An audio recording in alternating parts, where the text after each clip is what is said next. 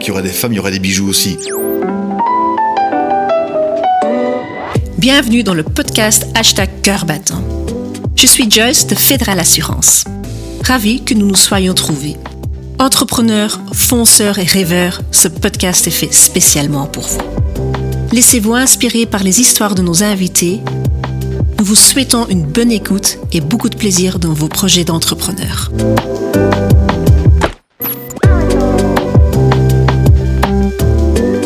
Nous accueillons en studio Arnaud Wittmann de la prestigieuse joaillerie Maison de Grive 1848. Il représente la sixième génération à la tête de cet établissement florissant au cœur de Bruxelles. Une maison dont les bijoux et les montres captent l'attention de tous les passants.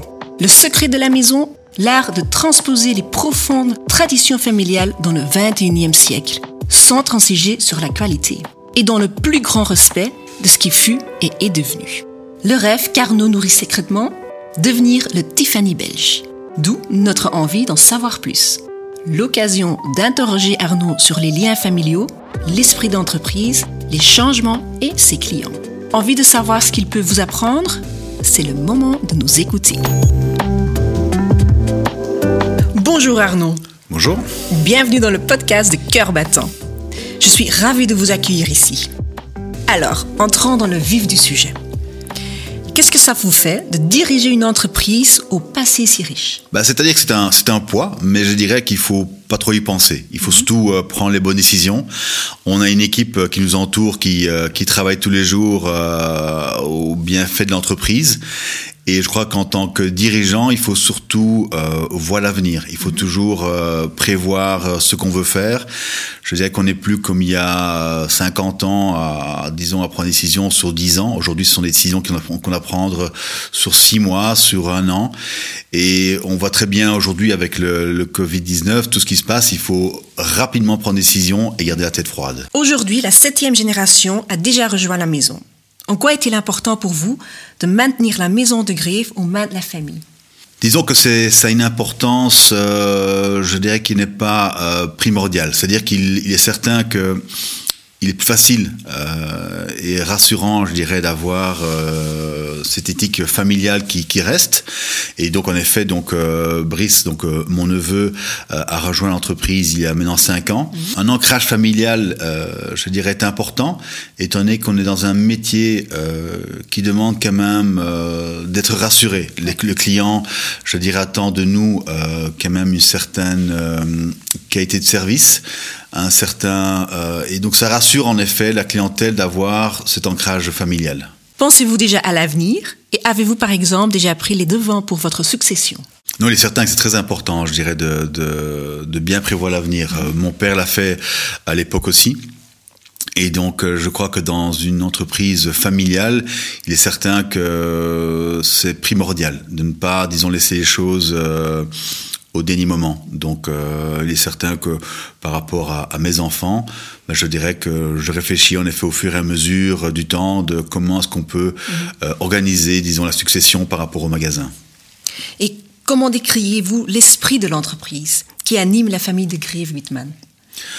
Alors, je pense que la maison de Greffe a toujours eu cette euh, image, je dirais, de maison familiale qui se prend pas trop au sérieux. Donc on a un produit qui en effet qui est sérieux, mais je dirais que les clients qui viennent chez nous se sentent toujours, je dirais, un peu en famille.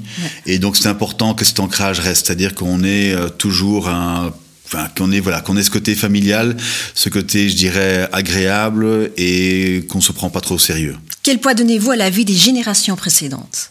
Bah, je crois que c'est important de d'avoir quand même de savoir qu'enfin il faut pas trop regarder le passé mais je dirais que le passé est quand même important dans le sens où il faut comprendre le passé pour, je dirais, euh, je dirais pour, pour mieux gérer l'avenir. Et donc, euh, je crois que toutes les, les, je dirais, toutes les, comment dire ça, euh, tout ce qui a marqué, je dirais, le passé du magasin euh, est important. Et donc, euh, savoir cela, comment ça a été géré, comment ça a été fait, pour moi, m'aide beaucoup euh, à gérer l'avenir du magasin. Et estimez-vous qu'il est important de collaborer avec des marques qui respectent votre éthique d'entreprise?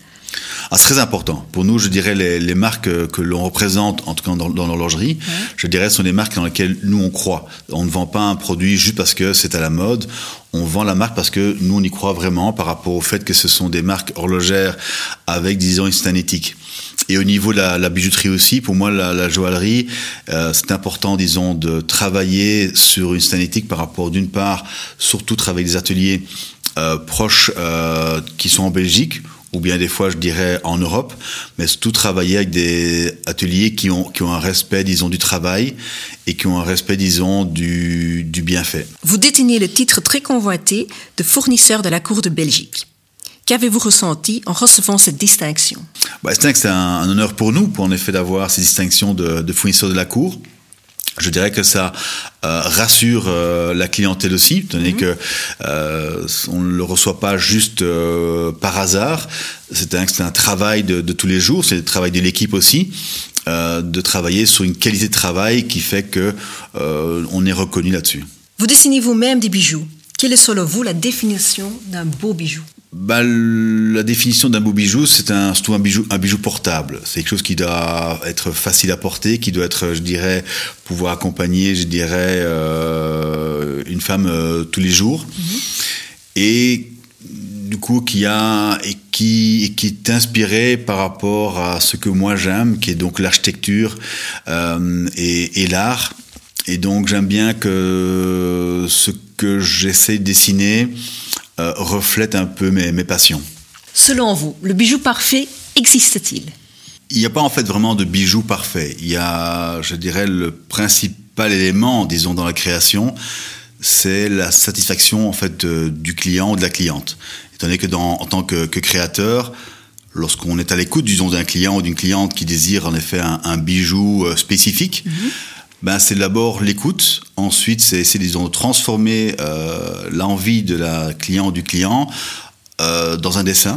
Mm -hmm. étant donné que c'est au créateur, disons, de, d'interpréter, disons, le, l'envie du, du, client ou de la cliente euh, vers l'atelier. Et ensuite, ben voilà, le, le, le, principal, je dirais, élément, disons, de, de, de, disons, de satisfaction par rapport au créateur, c'est que le client, en final, en final soit, soit heureux ouais. et de pouvoir porter le bijou euh, qu'il a, qu'il avait envie. Nous avons déjà tous essuyé des revers. Que vous a appris l'échec? Oh, je dirais que c'est important. Je dirais le, le justement de, de, de, les échecs, j'en ai pas eu trop, mais c'est surtout des remises en question. Je crois que dans, dans, dans, le, dans le travail, je dirais. Euh, euh, c'est les remises en question pour moi qui est le plus important. Ne jamais, je dirais, satisfaire de, de ce qu'on fait. Toujours se dire en effet voilà qu'on peut toujours faire mieux, qu'on peut toujours, je dirais, euh, améliorer ce qu'on fait. Et pour moi, ça c'est le plus important. Songez-vous parfois aux risques liés à votre entreprise? Notre métier est un, est un métier à risque, dans le sens où les objets que, que nous vendons euh, sont très convoités. Donc, les, je dirais qu'on ça reste toujours, je dirais, un peu dans, dans, dans, dans, dans l'esprit. Mais on n'y pense pas tous les jours, bien sûr, sinon euh, ce serait invivable. Donc ça, c'est un, un, des aspects, je dirais, de, de notre métier qui, qui, qui, qui pose le, le, risque. Ensuite, par rapport au risque de la, la gestion, je dirais que là, c'est une question, disons, de prendre les décisions à temps et de voir l'avenir euh, avec, disons, euh, 6 à un, un an d'avance.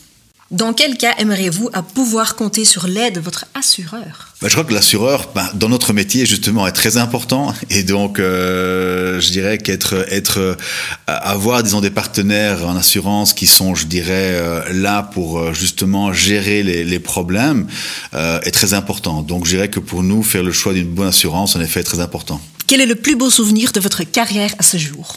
Pour moi, les, les 170 ans du magasin ont, disons, été un, un souvenir assez important, étant donné que euh, j'ai créé pour ces événements quatre bijoux uniques et qui a vraiment, avait vraiment représenté tous les sens de, de, de, ce que moi je voulais créer. -hmm.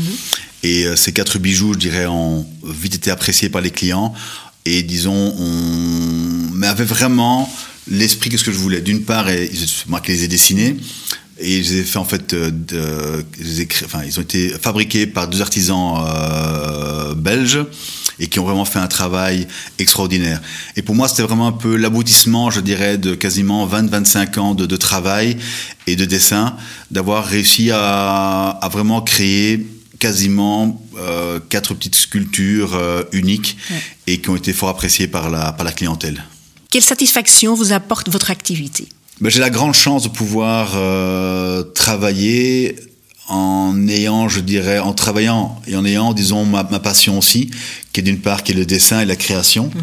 Euh, et donc, par rapport à ça, je dirais que le travail, disons, de tous les jours, je dirais, est un, euh, n'est pas toujours bien sûr facile, étant donné qu'on a une, aussi une équipe à, à, gérer. Mais je dirais que j'ai quand même la grande chance de pouvoir euh, travailler en ayant tous les jours un crayon en main et de pouvoir euh, dessiner tous les jours des projets pour des clients. Et disons que ça, c'est vraiment euh, ma passion au niveau euh, quotidien. Et que regard portez-vous sur l'avenir?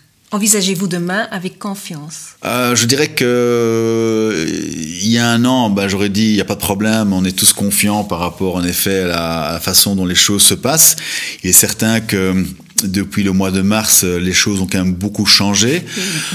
Mais voilà, je crois qu'il faut, il faut pas, il faut pas trop, trop, je dirais, euh, je dirais, se, se, se focaliser là-dessus. Il faut justement euh, prévoir, je dirais, l'avenir. Et vraiment, et je pense que, euh, je dirais que mon père disait aussi, en tout cas, tant qu'il y aura des femmes, il y aura des bijoux aussi. Donc par rapport à ça, je dirais ça. c'est très rassurant par rapport à ça. Mais donc il faut, voilà. C'est, moi je crois que j'ai, j'ai, enfin j'ai un, dirais un, je suis assez, optimiste et tout très réaliste. Et je pense qu'on va tous s'en sortir euh, de, de, de, des problèmes du, du Covid-19. Et, je pense que, j'espère que disons, dans deux ans, ce sera juste un, un mauvais souvenir. Moi aussi. Une dernière question. Si vous avez un conseil à donner à tous les futurs entrepreneurs, quel serait-il? Bah, Il faut surtout euh, essayer de pouvoir, euh, de croire en soi disons, de, de, bien, je dirais, s'entourer de gens euh, qui ont euh, des passions euh, communes de, l'entreprise. Mhm. Il faut croire en soi. Moi, le principal, c'est que quand on prend une décision, qu'elle vienne du cœur et, et qu'elle soit bien réfléchie. Après ça, je dirais n'importe qui peut vous conseiller, mais je crois que la, la, la décision finale, c'est la vôtre. Et donc, dès qu'on l'a prise, je dirais s'y tenir et, et continuer. Eh bien, merci Arnaud pour le temps que vous avez consacré à cet entretien très intéressant. Je suis certaine que l'histoire de la Maison de Griffes a inspiré de très nombreux auditeurs et les a sensibilisés à l'importance de vivre cette passion jusqu'au bout. Encore un tout grand merci et plein de succès dans vos nombreux projets. Merci pour cette chouette interview. J'espère que, comme moi, vous avez été inspiré par cette histoire entreprenante. Vous avez écouté Hashtag Cœur Battant, un podcast Fédéral Assurance. Envie d'en savoir plus sur la façon de réussir votre entreprise Ou curieux d'entendre d'autres récits? Rendez-vous sur fédéral.be et abonnez-vous à ce podcast afin de ne plus rien rater. Ciao